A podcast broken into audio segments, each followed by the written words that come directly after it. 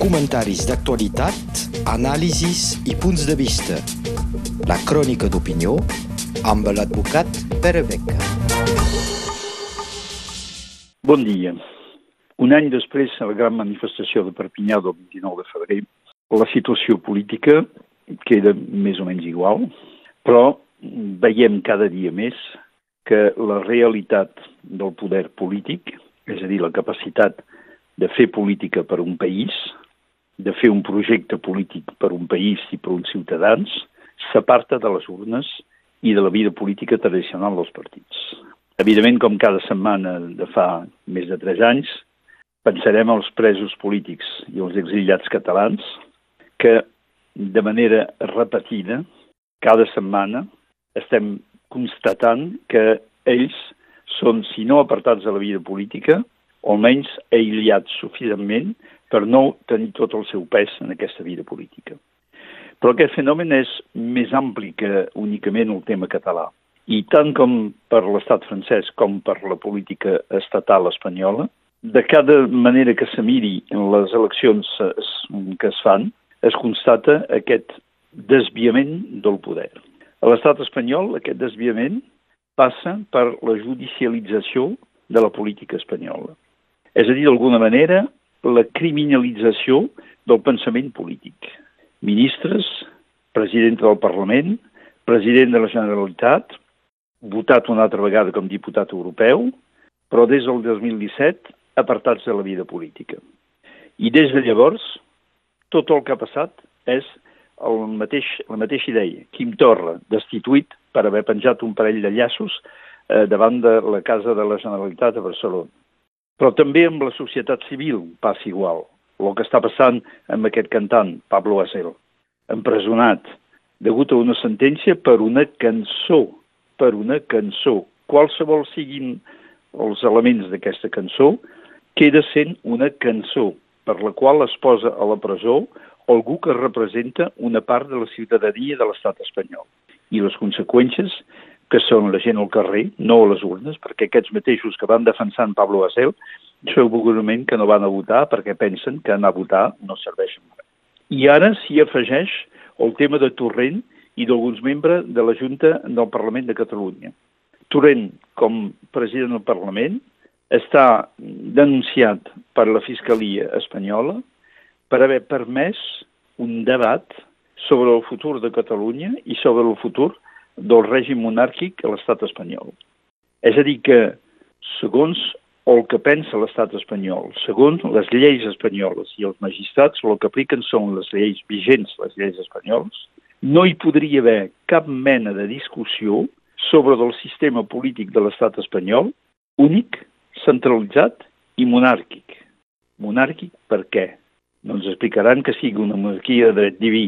Això sembla que hagi sortit del panorama polític. No ens explicaran que sigui una monarquia essencial a l'unitat del país.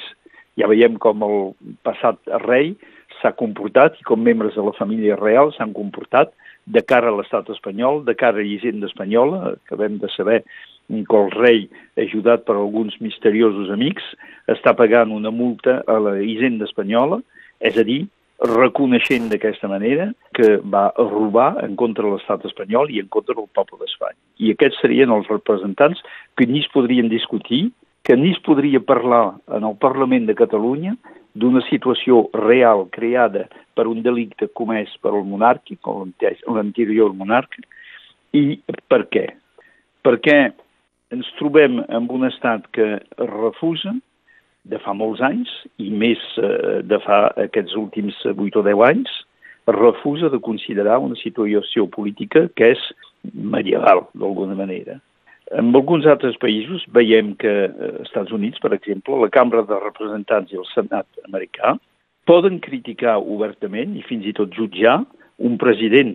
Ha sigut el cas de Donald Trump. Al final eh, l'han deixat sense cap condemnació però amb unes, eh, eh, uns motius a la sentència que expliquen perfectament que si no ho han fet és perquè ja no era el poder, però que sí que es condemna obertament la posició que, eh, que havia agafat aquest mateix president de cara especialment a la discussió de les últimes eleccions al novembre.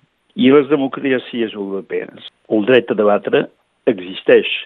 A Gran Bretanya es va organitzar un referèndum sobre el tema d'Escòcia i molt probablement s'acabarà fent un altre referèndum degut al Brexit, a la sortida de Gran Bretanya d'Europa.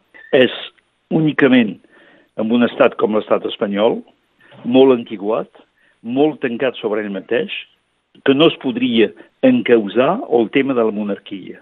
Però on s'ha vist que aquesta monarquia, eh, en la qual l'únic mèrit del rei actual és de ser el fill del rei precedent, no s'ha vist que aquesta situació política amb un poder, i ja es va veure després de l'1 d'octubre quin era un poder real a tot Espanya, inclús a Catalunya, on s'ha vist que una persona que no s'ha mai votat no es pugui almenys criticar a nivell d'un Parlament, no criticar la persona, sinó criticar l'organització, la institució que permet aquesta continuació de la família de Borbons per continuar què?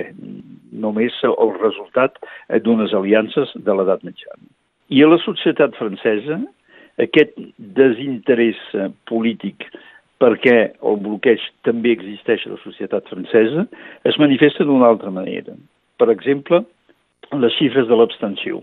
Els vots sortit de les eleccions municipals perquè hi ha una discussió més local, els vots sempre van baixant.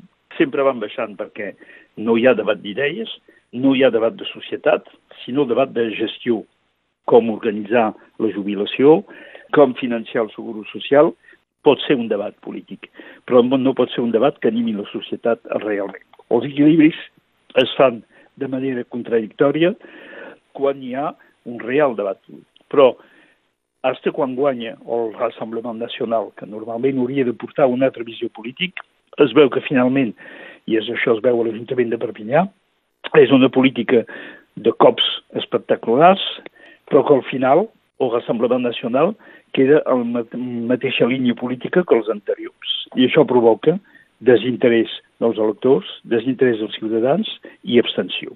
I l'altre aspecte del desinterès polític es manifesta a través de el que anys enrere s'anomenava tecnocratització de la societat. Es va modificar l'Escola Nacional d'Administració.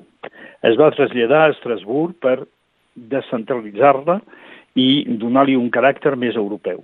Però, al final, la reforma del mandat presidencial, que acaba amb cinc anys lligant exactament el mandat del president de la República Francesa el mandat dels diputats a la cambra.